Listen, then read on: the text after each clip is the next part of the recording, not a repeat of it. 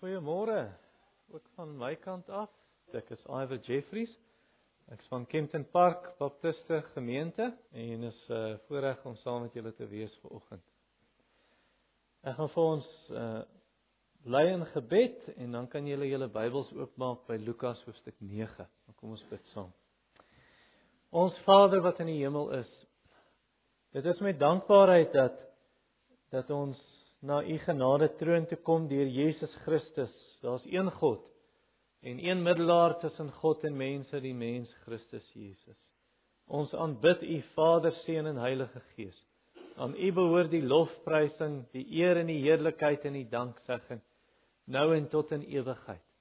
En Here, soms voel dit maar ons is 'n klein groepies versprei oor die aarde as u kinders, maar wat 'n groot feesmaal is dit eintlik om deel te wees van die bruid van Jesus Christus. En dat ons dink ons is deel van 'n massiewe erediens vandag, nie net op die aarde nie, maar soos dit Hebreërs 12 ons leer, saam met 'n menigte van engele wat nie getel kan word nie, al die gelowiges wat ons vooruit gegaan het, wat reeds in U teenwoordigheid is en in verwondering is oor die majesteit van die lam en van hom wat op die troon is en van die heilige En ons bid dat U ver oggend ook vir ons 'n geopende oor sal gee, geopende hart om waarhede in te neem wat staan van ewigheid tot ewigheid. Omdat U self die waarheid is.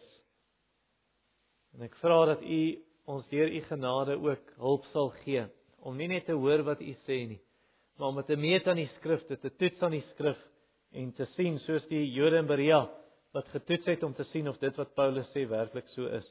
En dan as dit so is, dit dan ook te gehoorsaam om geseën te wees in ons gehoorsaamheid en vir u heerlikheid en eer te bring en dat die lig van die evangelie van Jesus helder skyn deur ons lewe dat die mense ons goeie werke sien en ons Vader wat in die hemel is verheerlik en dat ons ook skaamteloos die evangelie op ons lippe dra om te vertel van Jesus Christus die gekruisigde dat ons ons voorneem om niks anders te ken onder mekaar nie as Christus Jesus en hom as die gekruisigde.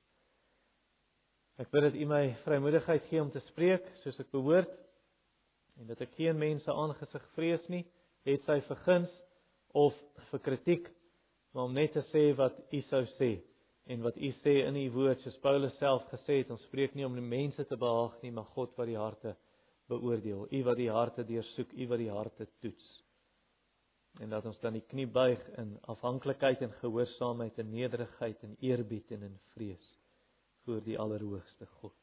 Ons bid dit in Jesus naam. Amen. So Lukas hoofstuk 9. Jy kan daar oopmaak. Ons gaan begin by vers 43b.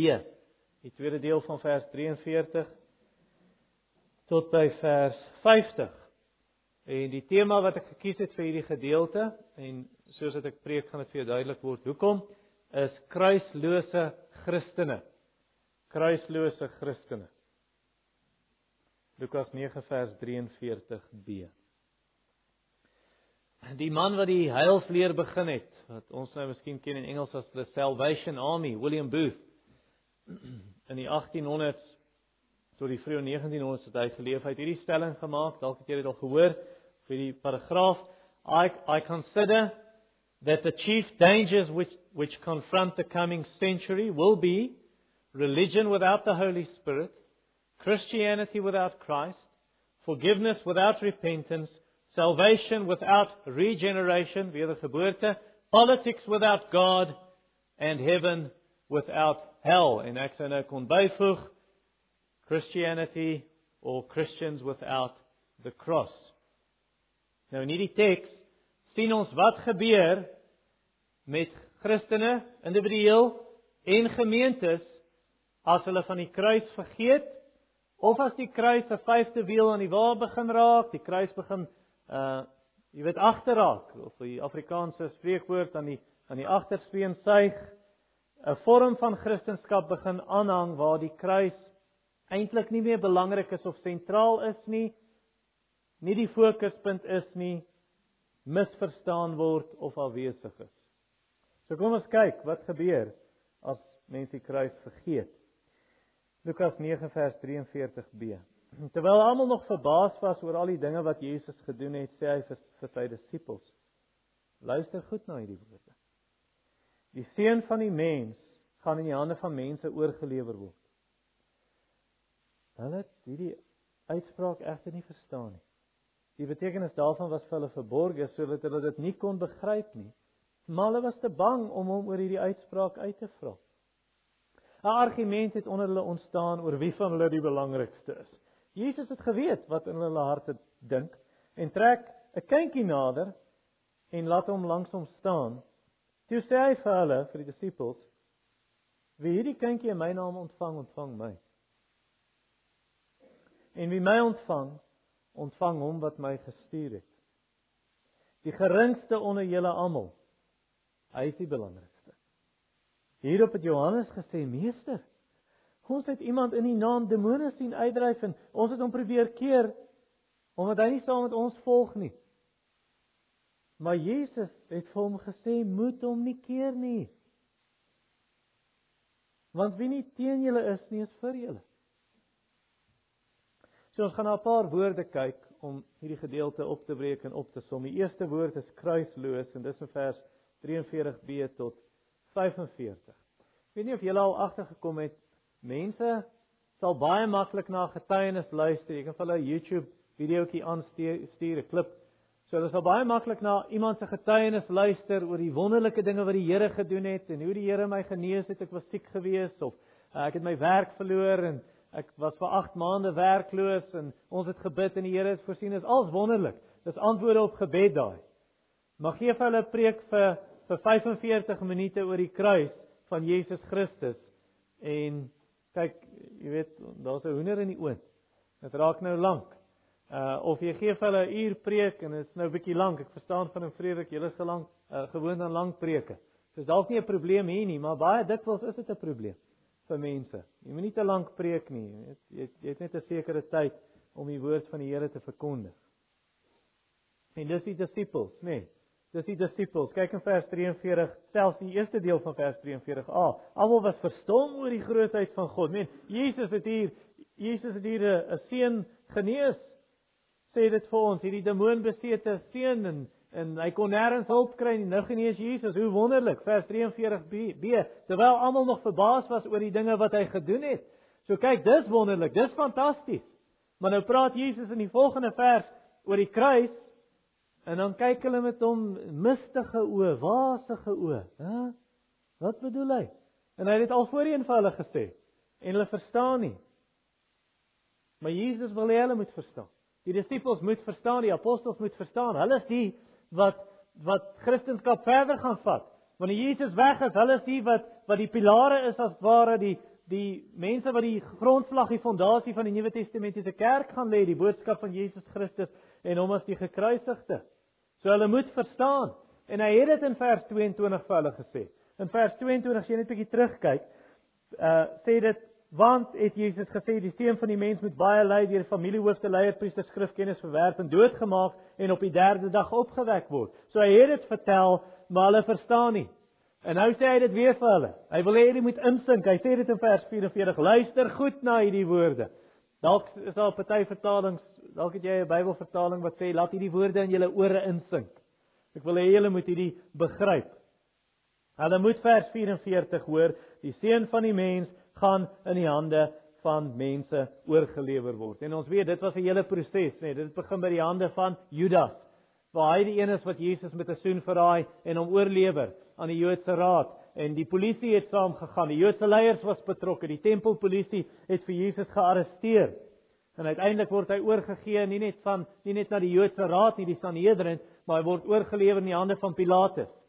En dan Pilatus stuur hom na Herodes toe en dan word hy teruggestuur na Pilatus toe. En uiteindelik beland hy in die hande van die Romeinse soldate wat spykers deur sy hande en sy voete kap. En wie's agter wie's agter hierdie hele kwessie? Weet natuurlik Satan is agter dit want Lukas 22 vers 3 tot 6 sê en Satan het in Judas ingeval.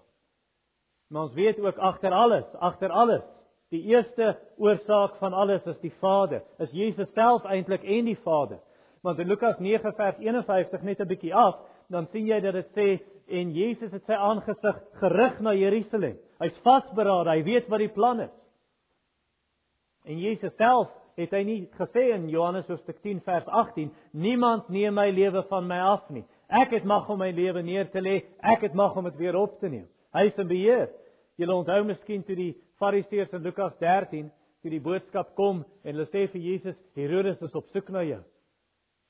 En toe sê Jesus gaan sê vir daai jakkals Ek het my werk om te doen vandag, môre en die derde dag voltooi ek my werk. Dit is asof Jesus sê die leeu praat. Ek gee nie om oor die jakkals nie. En dan weet ons ook die ewige raadsplan van God in uh, Johannes 3 vers 16 so lief het God die wêreld gehad dat hy sy enige gebore seun gegee het. So dis die Vader se plan. Dis die Vader en die Seun se plan. Uh Handelinge 2:23 waar Petrus op Pinksterdag preek en hy sê vir die vir die vir die Jode, julle het hom gekruisig deur die hande van goddelose manne om alles te doen wat God se raad en God se plan vooruit bepaal het om plaas te vind. So uiteindelik, ja, hy gaan oorgelewer word in die hande van mense, maar uiteindelik is die hand van God. Nou almal van ons, almal van ons weet van die kruis. Almal van ons het hierdie dinge gehoor en party van ons van jongs af verstaan ons hierdie dinge. So hoekom moet ons dit weer hoor? Want Jesus het klaar vir die disippels gesê, hoekom moet hulle dit weer hoor? Nou presies. Die rede hoekom ons dit weer, weer moet hoor is ons vergeet.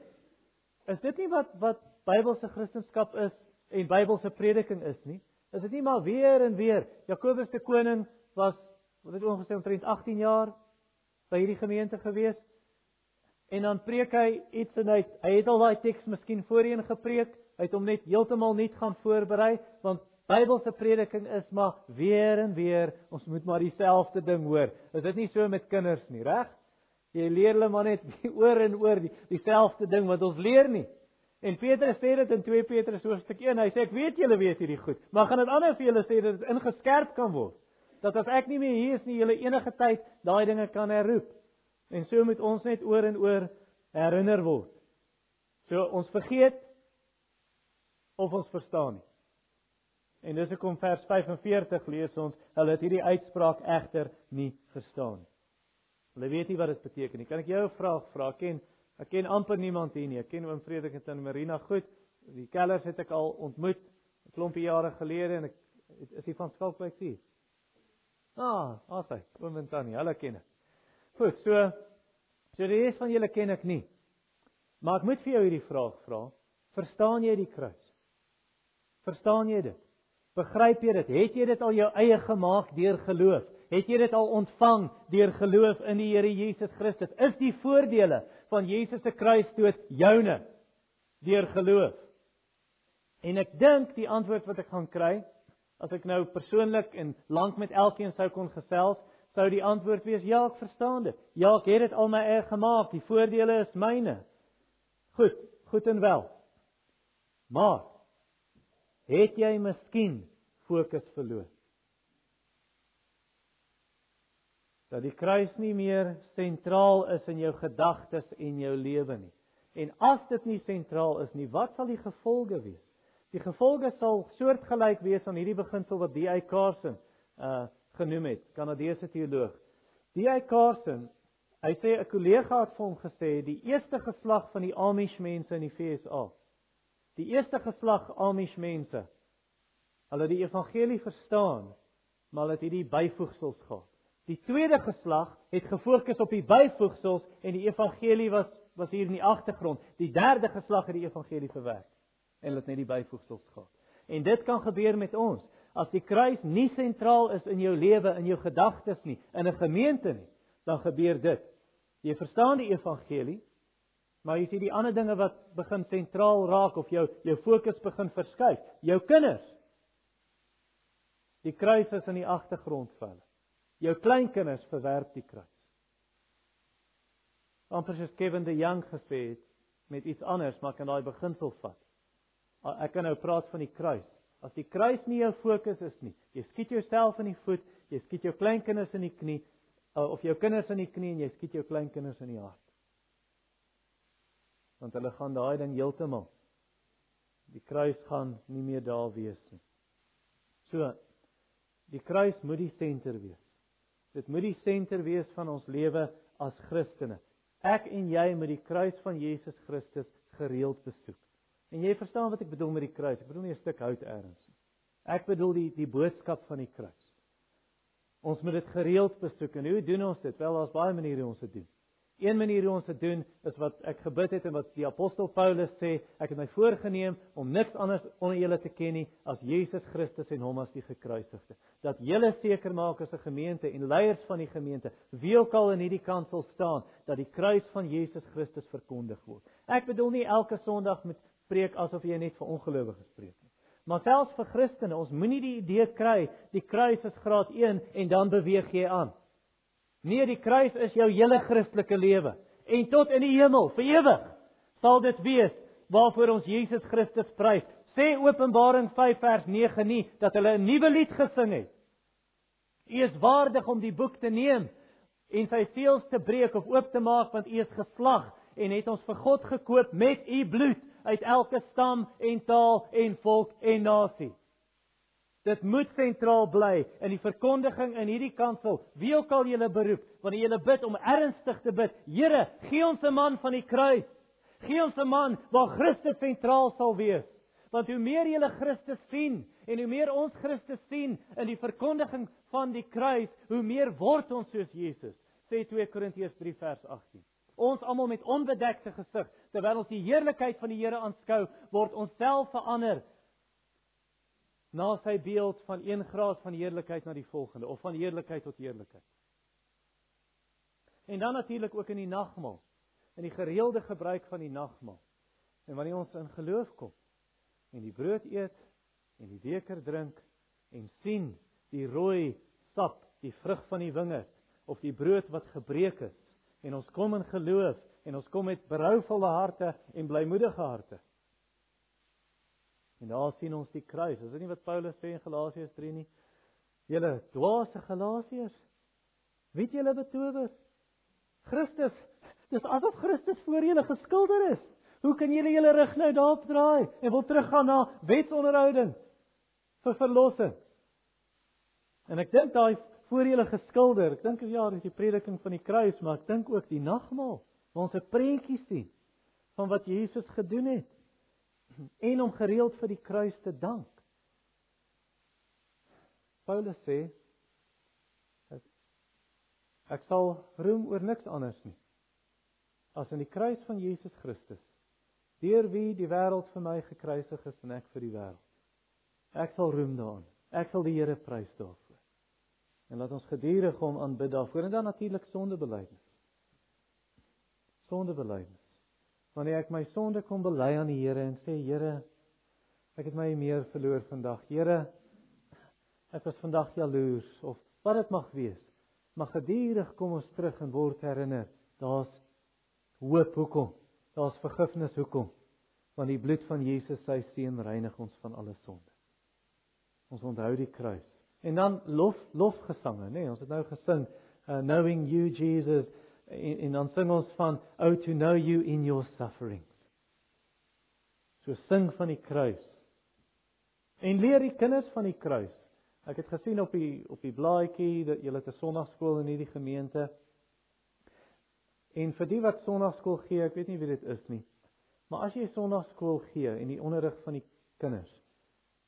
Spurgeon het gesê enige teks van die Bybel, I make a beeline to the cross. Ek wil by Christus uitkom, ek wil by die kruis uitkom.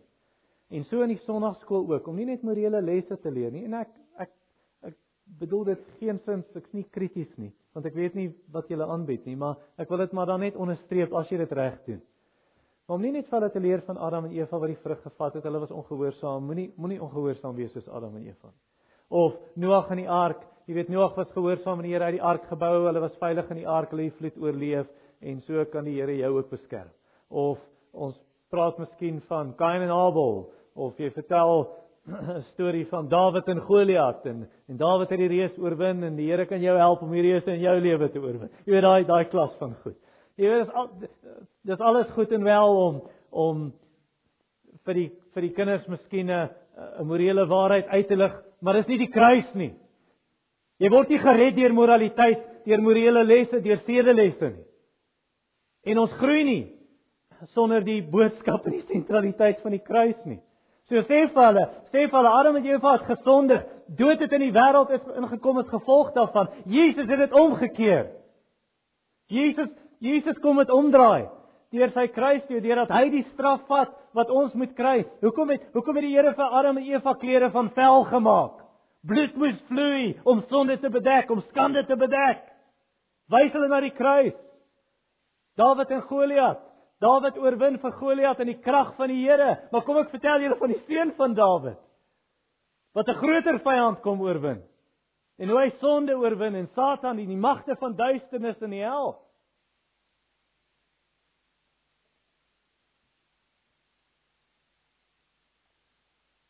Ek dink daar's 'n gevaar. Selfs in gemeentes waar hulle oor Jesus se kruisdood sing. Uh, as ons nou sê ons ons musiek is ook kruis gesentreerd. Weet nie of jy dit al gehoor het met moderne aanbiddingsmusiek en ek het nie 'n probleem met moderne aanbiddingsmusiek met dit Bybels is nie, soos uh, Stuart Townend of die Gettys of so aan.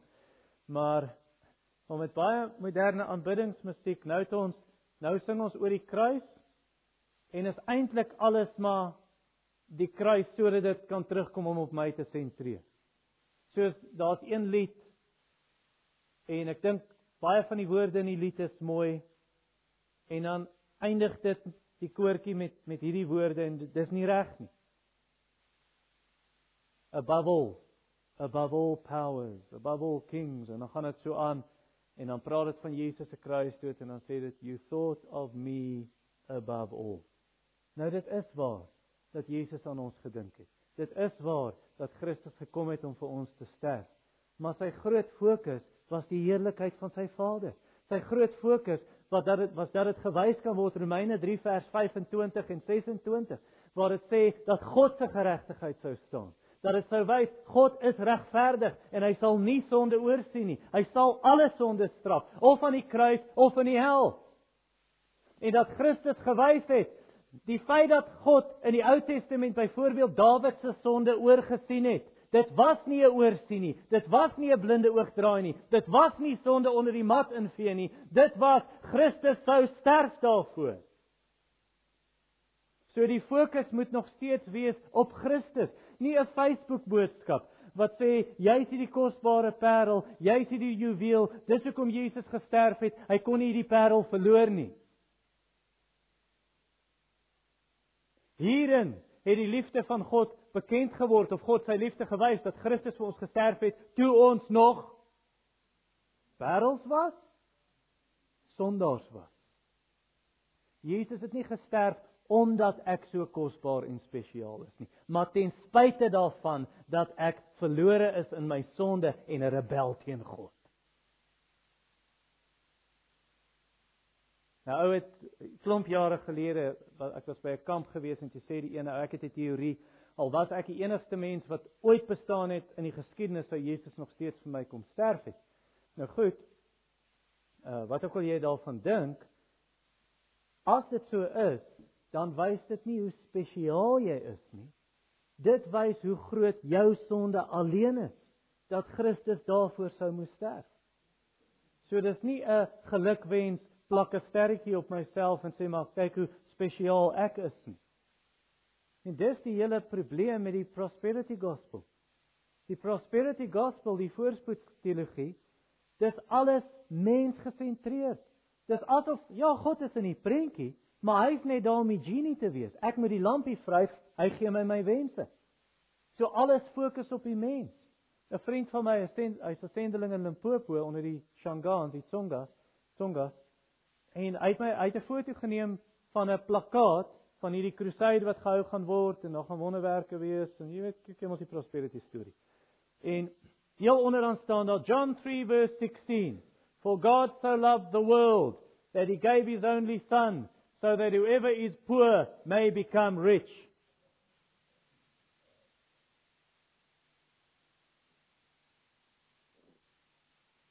Dis 'n misverstaan van die evangelie. Dis 'n selfgesentreerde, mensgesentreerde boodskap. Die Bybel sin is God gesentreerd. Die Bybel sin fokus op God se heerlikheid, sy majesteit. Weet jy wat Jesus gebid het nie? Vader, ek bid dat die wat U my gegee het by my mag wees om my heerlikheid te sien. Eintlik wil ek vir jou sê die kruis is nie so saaklik dat ons in die hemel kan wees nie. Dis nie dis nie eers die die hoofboodskap van die kruis nie. Die hoofboodskap van die van die kruis sentreer en fokus alles op God, op wie hy is. En sodat hy lof, eer en heerlikheid aan hom kan toekom. En die disippels het dit nie verstaan nie. Hulle verstaan nie vers 45. Hulle verstaan nie wat beteken dit nou? Jesus wat hier oor die kruis praat of hy, hy gaan oorgelewer word in die hande van mense. En nou, ons kan 'n klomp redes gee vir hoekom hulle misverstaan het. Uh, aan die einde van Lukas sien jy die Here het hulle oë geopen. Christus het hulle verstand oopgemaak om te verstaan wat die skrifte gesê het. Uh, maar ek wil na toepassing te spring hier en vra is hier iemand hier vandag wat misverstaan? Wat nie die boodskap van die kruis verstaan nie. Vra dan vir die Here, sê Here, wys my hoekom. Wys my hoekom ek dit misverstaan. sien jy miskien die kruis as nodig vir bekering? Jy het die kruis nodig om na Christus toe te kom, jy het die kruis nodig om gered te word, maar jy sien nie verder nie. Jy weet nie hoe, maar hoe maak dit verder 'n verskil in my lewe? Wel, daar's 'n klomp dinge wat ek kan sê. Ek wil dalk vier goedjies uh, uitlig hierso, uh, toepassings. Die een ding is dit help met skuld van die verlede. Ek onthou eendag was ek baie mismoedig geweest. Ehm um, en ek gaan na 'n ouer predikant en daar's dinge sonde in my verlede wat my gepla het en ek sê vir hom maar hier is die dinge wat ek in die verlede gedoen het en toe kyk hy vir my en hy sê vir my what has the past got to do with the present So daar's dinge wat jy in jou verlede gedoen het. Het jy dit bely? Het jy jou bekeer daarvan? Nou hoekom gaan jy dan terug soontoe? Het die Here dit nie in die diepste see gewerp nie? Het hy dit nie van jou verwyder so ver as die ooste van die weste af is nie? Het Jesus dit nie weggewas en gereinig deur sy bloed nie? Wie sal 'n beskuldiging inbring teen die uitverkorenes van God? God is dit wat regverdig maak. So as God jou onskuldig en regverdig verklaar het deur Christus, hoekom gaan jy terug na daai goedjies? Hy het dit nie vasgespijker teen die kruis nie. Is daar nie is daar nie 'n skuldbrief wat vasgespijker is teen die kruis wat sê betaal ten volle betaal, uitgewis? so hoekom teruggaan soontoe? Of miskien sê jy ja, maar dit is nie die verlede nie. Ek het nog steeds hierdie hierdie ding wat ek nie bely het nie. Ja, ek het in die verlede gedoen, maar dit is nie bely nie. Nou waarvoor wag jy? Waarvoor wag jy? As die bloed van Jesus ons reinig van alle sonde en as ons ons sonde bely, hy is getrou en regverdig. Hoekom sê dit getrou en regverdig? Hoekom sê hy nie as ons ons sondes bely, hy is barmhartig en genade? Hoekom as ons ons sondes bely, hy is getrou, ja, hy hou sy beloftes, hy is regverdig? O nee, wag 'n bietjie. Dit moet ons nou anders omwerk hier. As ons sê hy is getrou, hy is regverdig om te regverdig om te vergewe. Wanneer hy regverdig, dan moet hy my straf. So hoekom sê dit regverdig? Want Jesus het die prys betaal. En as jy vertrou in Christus, is dit regverdig. Hy straf nie twee maal vir dieselfde sonde nie. Wat van iemand wat hier sit vanoggend en jy's jy's verstrengel, jy's verstrik, jy's vasgevang in sonde en jy weet nie hoe om uit te kom. Nou my Bybel sê vir my as die seun jou vrygemaak het, sal jy waarlik vry wees. Jesus het die mag. Ek laat my nie vir 'n oomblik vertel jou sonde is sterker as Jesus se kruisdood nie. Jesus het die mag om jou vry te maak. Kom na hom toe. Lê dit alles voor hom sê Here. En as jy sê maar ek het probeer en ek het al dit gebring. Welkom na 'n Christen broer of suster wat jy vertrou en sê help my. Wil jy nie saam met my bid nie? Ek kom nie vry nie. Nou Jesus sê hy het jou vrygemaak. Vertrou hom. Tweede woord is hoogmoedig, vers 46 tot 48. Nou almal van ons, daar's 'n streek in die mens. Jy wil eers eerste wees. Nee, jy sien dit met kinders. Ons staan in die ry, want lekkers gaan uitgedeel word en almal druk mekaar agtertoe. Ek eerste, ek voor. ons wil wen. Wie se pa is die sterkste? Wie se pa kry die meeste geld? Ja, die dokter en die prokureur se pa kry baie geld en sê die predikant se seun 6 tot 8 mense elke Sondag dra my pa se geld. ek sien ook aan die kinders hardloop, altyd kyk wie is die vinnigste, nê? Nee. Ons ons ons huis is oorkant 'n laerskool. Ek het al gesien pauses hoe hardloop die kinders om te kyk wie wen. Wie is eerste? En dit is nie net kinders nie. Dis groot mense is ook maar so. As ons nou eerlik met onsself moet wees. Wie het gewen? Wie die bulle gewen? Wie wil hê jou span moet wen? My span is die beste en hoeveel likes het ek op Facebook gekry vir daai foto wat ons by die see was? En hoeveel mense het daarvan gehou of my oulike kleinkind? My my kleinkind is beter as jou universiteitsstudent. Ehm, um, wie die mooiste klere en wie die duurste kar en wie die grootste huis en wie kry die grootste salaris en wie is die wie die hoogste kwalifikasie? Wie wil eerste by die robot wees? Kom met jy voor daai ander kar indruk. Nee, ek sal eerste daar wees, ek sal jou wys. So verby jou jaag en dan sê die lig rooi vir ons albei en kom ons maar in elk geval dieselfde tyd by die lig aan. En en geestelik gebeur dit ook. Geestelik gebeur dit ook. Jy sal baie skaars vind.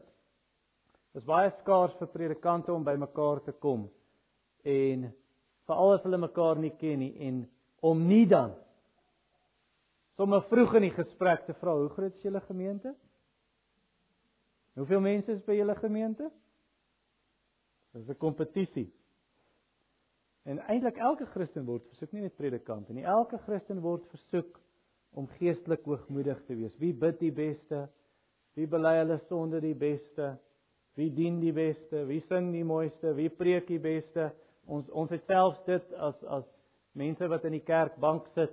Jy weet jy het jou celebrity prediker, jy wou die Buckham of John MacArthur John Piper of R.C. Sproul of weet dit nie Alistair Begg is beter as hulle almal. Of wie dit mag wees. Dis maar soos in die soos in die Korintiër gemeen. Ek is van Paulus, ek is van Apollos, ek is van Seun. Ja, ons is nie deel van julle groep. Ons is die regte groep wat Jesus volg. Ons is van Christus. En die disippels is maar dieselfde vers 46. 'n Argument het onder hulle ontstaan oor wie van hulle die belangrikste is. Nou ek kan dit net sien. Want in hoofstuk 9 in die begin het Jesus hulle uitgestuur twee twee die apostels. Hy stuur hulle uit om siekes te genees en en demone uit te dryf en jy kan net sien hoe ek het 'n dowe genees. Ek het twee dowes genees. Ja, ek het 'n dooie opgewek. Ek weet nie of julle dit of wie van julle dit al reg gekry? Ja, ek ek sê maar net. Ek sê maar net. En dan dan hoor jy vir Petrus, Johannes en Jakobus wat later in die hoofstuk ehm um, julle wie van julle was op die berg van verheerliking saam met Jesus? Uh ek Johannes en Jakobus. Jesus se gesig sien skyn soos die son. Moses en Elia was daar. Ja, niks verder nie, nee nee. Ek wil nie argumenteer nie, ek noem dit maar net. Ja. Wanneer kom ons ons so in onsself gekeer? Soos hierdie disippels, stry oor wie die belangrikste is. Weet jy hoekom is ons so? Weet jy hoekom doen ons vers 46? Want ons vergeet vers 45. Vers 45 sê hulle die kruis nie verstaan nie. En omdat ons die kruis nie verstaan nie en ons vergeet, maar ons almal is sondaars. Die die die kruis is die groot gelykmaker. Die kruis is die een wat cuts us down to size. Ons almal lê in die stof daar. Want ons besef almal is verlore sonder Christus. Ons het Jesus nodig. Maar as ons dit vergeet dat Jesus eintlik vir almal van ons moes sterf, dan begin ons hierdie gedoen in vers 46. Nee, ek is beter as jy. Nee, ek ek ek sê dit miskien nie, maar ek dink dit dan. En dit maak eintlik nie saak hoe ryk jy is, hoe slim jy is, hoe gekwalifiseerd jy is, selfs hoe geestelik jy is. Maak nie 'n verskil hierson nie. Dit maak jou nie beter as ander nie. Jy en ek is sondaars, ons het die kruis van Jesus nodig. En die disippels besef dit nie. Nou stry hulle oor wie se beste en Jesus ken hulle harte.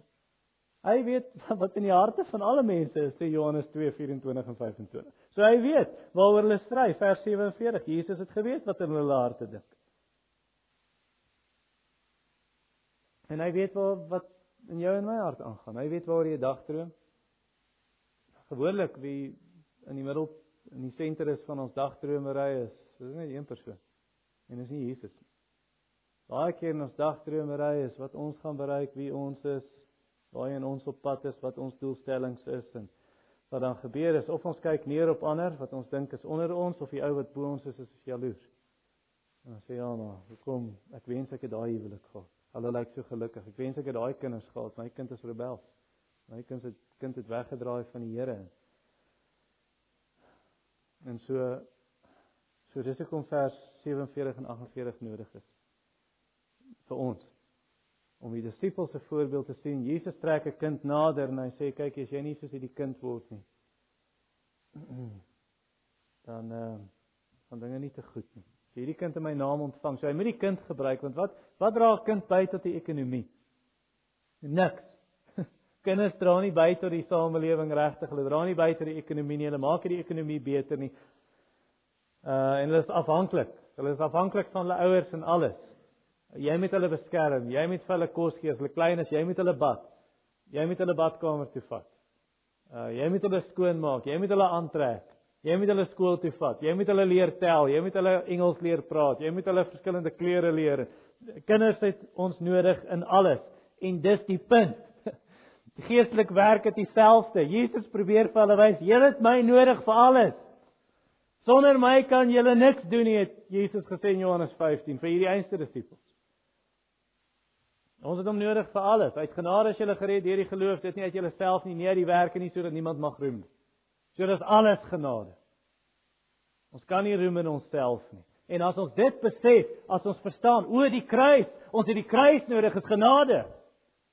Dan kom ons soos Johannes die Doper en dan sê ons ek moet minder word, Jesus moet meer word. Ek besef ek is niemand. Jy kan nie eens een ding ontvang as dit jou nie van bo gegee word nie. Laat hom wat wil roem in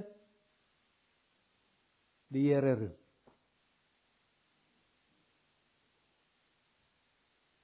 So laat ons nie soos hulle wees nie, net ek eerste, ek voor. Jy kuier net by daai mense met wie jy gemaklik voel, waar eintlik Jesus sê as jy nooit daai ou wat blind is, nooit die ou wat krepeel is, hy kan jy nie terugbetaal nie. Of die arme ou wat by die kerk inkom. Kyk, hy het nou nie mooi klere aan nie. En Jakobus sê mos, As ons hom nie sê jy moet maar agter gaan sit jong. Mense hou nie daarvan as jy hier sit nie. Met jy jy, jy rol aan.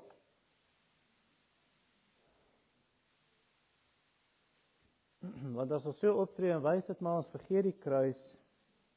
Ons vergeet Jesus het gesterf vir arme mense en vir ryk mense. Jesus het gesterf vir Afrikaans en Engels swart en wit en bruin. Belangrik, hoë posisie ingenieur en die ouens wat die swart sak wegvat. Ou mense, jong mense, mans, vroue, seuns, dogters, almal van ons het die kruis nodig. So ons is nie beter as ander nie.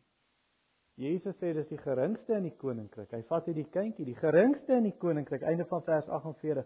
Hy is die belangrikste. Hy is die belangrikste. So ons ons wil nie weet soos soos 'n niggie en 'n neefie, my my seun is daai neefie. Soos hy niggie. Hulle staan by my ma se huis. My ma sê kom julle, hier's nou lekker, so weet nie wat Rome is, wat het sy vir hulle gegee. En hulle was klein gewees. Hy's nog nie in die skool nie. Sy sê sy niggie, "Wil jy eerste wees in die hemel? Gaan staan agter in die ry." ja nee. En ons wil eerder doen wat Paulus sê, nê. Nee. Die een die ander hoër ag as homself. Elkeen nie na sy eie belange omsien nie, mekaar se voete was. Uh die wat eerste wil wees, sê Jesus in my koninkryk, jy is die slaaf van die ander. As jy in 'n gemeente instap en jy wil weet wie se ouderlinge jy is, jy besoek die eerste keer, kyk na die mense wat dien. Dis hoe dit hoort. Wie is die slaaf? of eerder wees as Paul Washer. Paul Washer vertel 'n storie van uh gaan preek by 'n konferensie. Nou word jy uitgenooi om te preek by 'n belangrike konferensie en dan dan etenstyd nou gaan hulle breek. Etensbreek en nou nou gaan die die groot predikers gaan almal saam eet. En dan kom daar 'n arm predikant van Ghana of Uganda kom en hy hy wil hy het hulp nodig. Hy het 'n krisis in sy gemeente en hy het raad nodig. Nou wat gaan jy doen? Gaan jy nou sê jong, ek kan nie nou nie. Ek gaan nou saam met die celebrity predikers eet.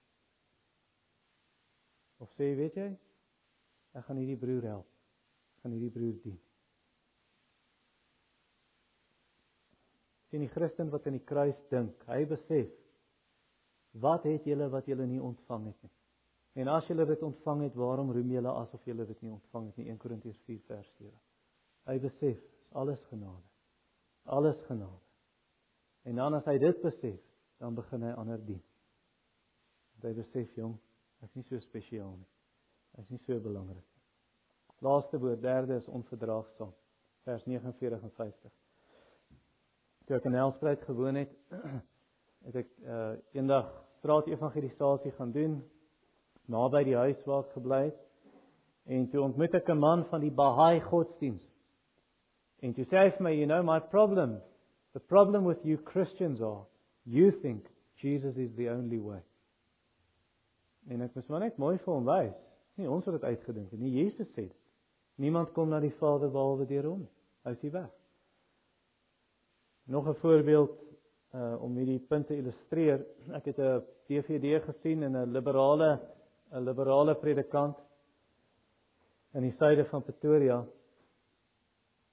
of nie in die noorde van Pretoria eintlik waar hy gesê het kyk dit het tyd geword in ons kerk dat ons nie net sê die mense wat in die opstanding van Jesus glo nie. Ons moet nou begin plek maak vir die mense wat nie in die liggaamlike opstanding glo nie, wat anders dink as ons. Almal is welkom. En 'n laaste voorbeeld wat ek gesien het is van die paus wat 'n tyd gelede gesê het, kyk maar die die protestante moet nou terugkom na die moederkerk. Ons moet nou terugkeer. Hulle arms is oop om ons te ontvang. Luister, wanneer ek daai woord verdraagsaamheid gebruik, beteken ek nie ont, beteken dit nie en bedoel ek nie dat ons aanvaar sommer net almal as broers nie. Nee, ons aanvaar nie almal as broers nie. Ons aanvaar nie mense wat Christus verwerp nie en sê hulle is my boetie in die Here. Hy is nie my broer nie. As hy die evangelie verwerp, as hy kernwaarhede van die evangelie verwerp, Paulus sê tog in Romeine 16, daai ouens wat wegdraai van die leer af 2 Johannes vers 10 ook. Hy sê as hulle die leer van Christus nie ontvang nie, moet jy hom nie ontvang nie. So ons arms is nie oop vir almal en enige iemand wat net self die naam Jesus sê. Ons wil weet, glo hulle in die Jesus van die Bybel? Glo die evangelie wat wat ons in die Bybel het wat opgeteken is, 'n evangelie van genade alleen, geloof alleen, Christus alleen. Volgens die skrif alleen tot verheerliking van God alleen. Dis wat ons wil weet. En is jammer, dis jammer. Nou moet ek na 'n ander kant toe swaai, want ons pendulum gaan partykeer te ver hierdie kant toe. Dis reg dat ons sê net ouens wat hierdie evangelie glo en aanvaar, dis my broer in die Here, maar nou gaan ons pendulum partykeer hierdie kant toe te ver. Want is jammer dat ons nie hierby bly nie om te sê hier's hier's wat ons bedoel met verdraagsaamheid en mekaar aanvaar in die Here as broers. Partykeer wat ons doen is ons sit ons bril op. Ons bril van my denominasie of ons gemeente se belydenisskrif en dan sê ons kyk as hy nie daai belydenisskrif volg nie dan dan omhels ek hom nie as 'n broer nie. En dis presies wat Johannes hier doen in vers 49.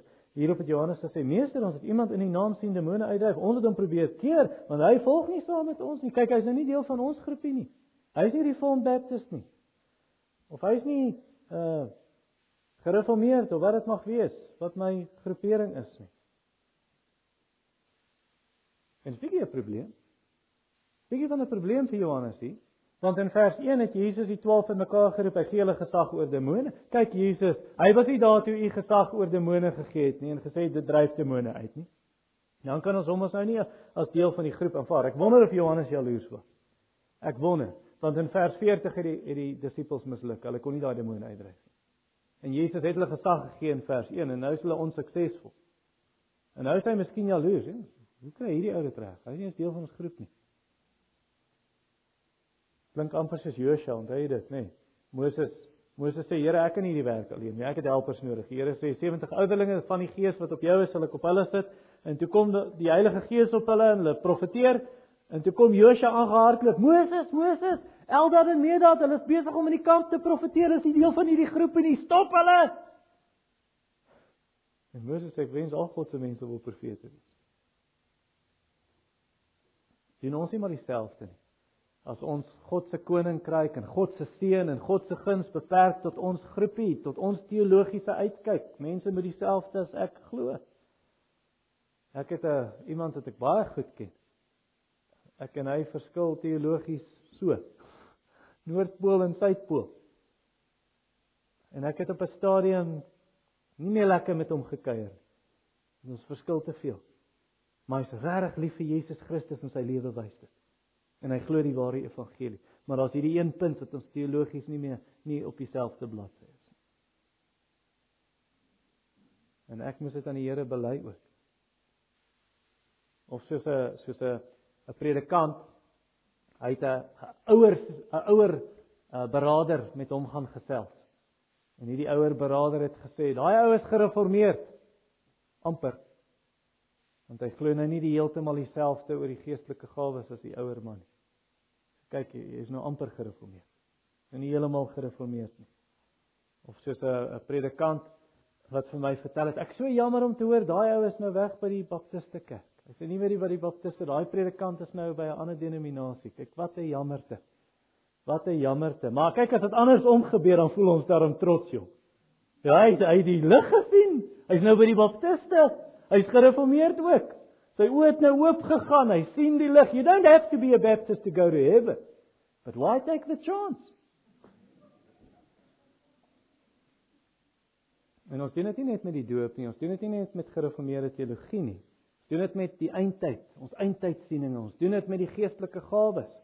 Nee, ek verstaan, ek kan nou mooi vir jou verduidelik. Ek sê nie daai dinge is onbelangrik nie, maar ons doen dit met al hierdie goed. Ek het 'n predikant oor oor ons is op so 'n groepie besig om saam te bid en die een predikant het nou verhuis na 'n ander dorp toe en ek moedig hom aan gaan besoek daai gemeente. Daai mense preek die Bybel, regtig. En toe sê "Jong, jy kan nou ek sou ek sou versigtig wees. Moenie soheen toe gaan nie. Daai ouens glo nie die eindtyd selfs as ons nie. Dis gevaarlike ouens daai jong. Gevaarlik. Ek glo nie presies soos ek oor die detail van die eindtyd nie.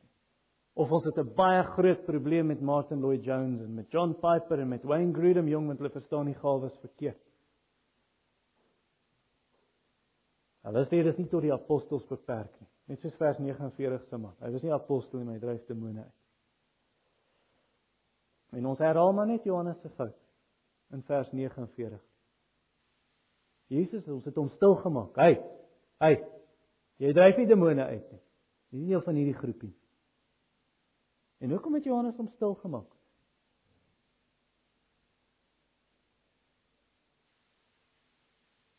Want hy mis verstaan die kruis. Vergeet die kruis. Ons dink mense is aanneemlik voor God want hy's deel van my groepie of hy's nie deel van my groepie nie. In plaas van hy's aanneemlik voor God alleenlik op grond van Jesus se kruisdood en opstanding. Jesus se lewe kruisdood en opstanding. Alleenlik Jesus alleen. Jou eindtydsiening, jou siening van die gawes, jou siening van wat jou teologie mag wees buite die kern, die senter, die evangelie. Dit maak jou nie aanneemlik voor God meer of minder nie. Dis Christus alleen.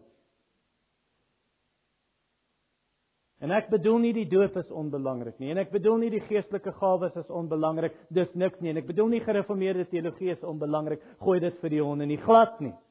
Ek sê net dit is nie die basis vir broederskap nie. Want vers 50 sê Jesus sê los hom. Wie nie teen julle is nie is vir julle. Jesus is die basis vir broederskap. Jesus gebruik baptiste en hy gebruik kinderdopers. Hy gebruik kalviniste en hy gebruik arminiane. En John Wesley en George Whitefield. Ek dink Charles Spurgeon was reg. I am never ashamed to avow myself a Calvinist and I do not hesitate to take the name of Baptist. But if I am asked what is my creed, I reply it is Jesus Christ.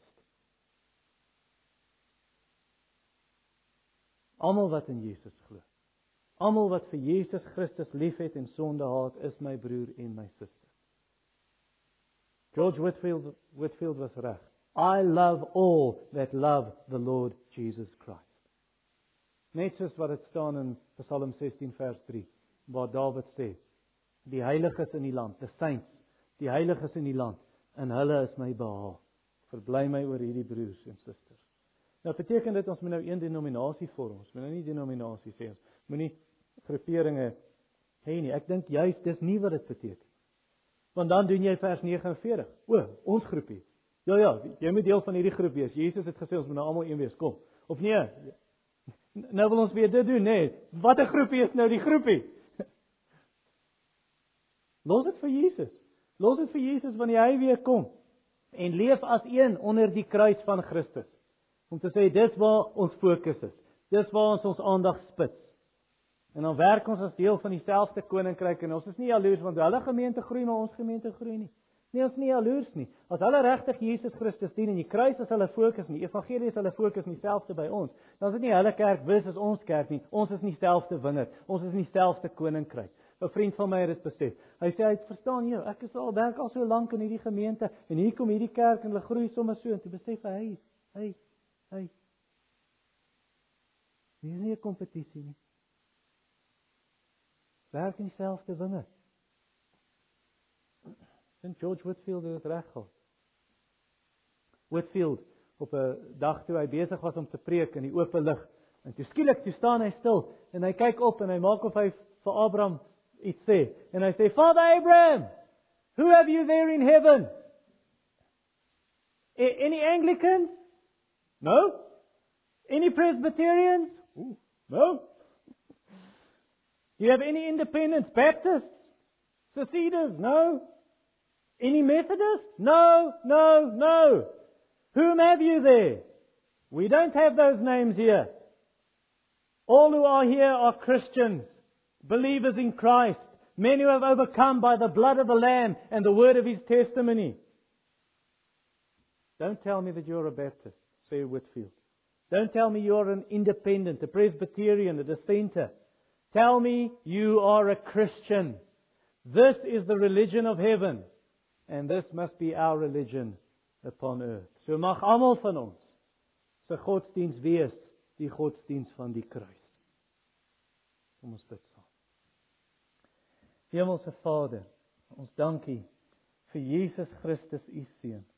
Here Jesus, aan u die lof en die aanbidding vir dit wat u gedoen het op Golgotha. Om ons te kom vrymaak, om ons sonde weg te was en om die ewige raadsplan van u Vader te volbring. Sodat ons vir altyd by u kan wees en ons verwonder en in verwondering staan oor u heerlikheid en skoonheid, u glans en u majesteit. Aan u die heerlikheid tot in ewigheid. Amen.